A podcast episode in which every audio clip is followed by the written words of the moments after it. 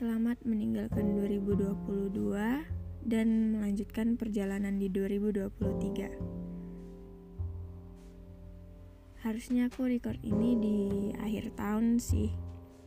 Karena aku sendiri sibuk, jadi aku baru bisa nge-record dan upload ini di tahun yang baru.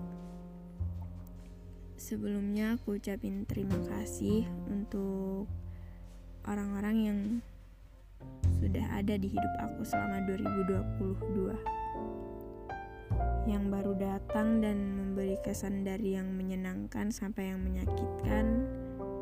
Yang pergi dengan meninggalkan segala pesan dan yang hanya berlalu lalang saja. Terima kasih untuk kalian atas kehadirannya. Untuk teman-teman yang selalu support aku dan selalu berusaha bikin aku jatuh tapi akunya nggak mau. Untuk kamu manusia paling rese sedunia. Semesta. Kata yang sering kamu ucapin dulunya tentang semesta. Terima kasih sudah memberi sepenuh hatimu walaupun sering dibuat terluka. Kalau Ramadan dulu nggak ikut sholat di belakang Mungkin gak akan ada modus chat nanyain kamu Ada sarung ungu gak? Chat terrandom yang pernah ada. Gak akan ada juga aku nanyain kamu Malam ini sholat gak?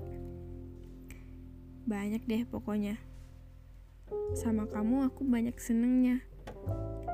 Tapi kamu malah sebaliknya.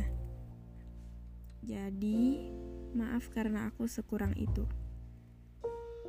kita yang jadi baik di tahun kemarin, semoga selalu baik.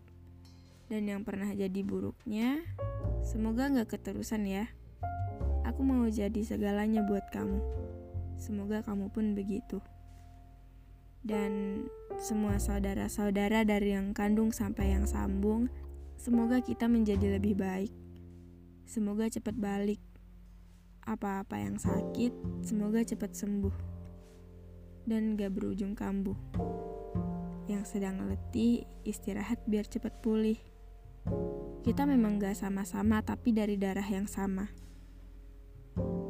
Di tahun yang baru ini, banyak harapan-harapan yang mestinya harus terwujud. Dan pastinya harus usaha. Karena kalau nggak sekarang, kapan lagi? Dan kalau bukan kita, siapa lagi? Harus belajar mandiri di segala situasi. Kita nggak boleh bikin orang lain kerepotan, tapi diri sendiri nggak apa-apa. Ya tapi jangan semuanya dibilang nggak apa-apa, karena jawaban kenapa-kenapa itu cukup penting. Aku harap yang pasti ini juga bukan harapan aku aja sih. Tapi kalian, atau mungkin hampir semua orang, yang berharap kalau ke depannya kita masing-masing bisa mendeskripsikan apa yang dirasa. Bisa ngehindarin kata nggak apa-apa kalau ditanya kenapa. Aku harap begitu. Semoga di buku baru ini kita menjadi manusia di versi yang lebih baik lagi.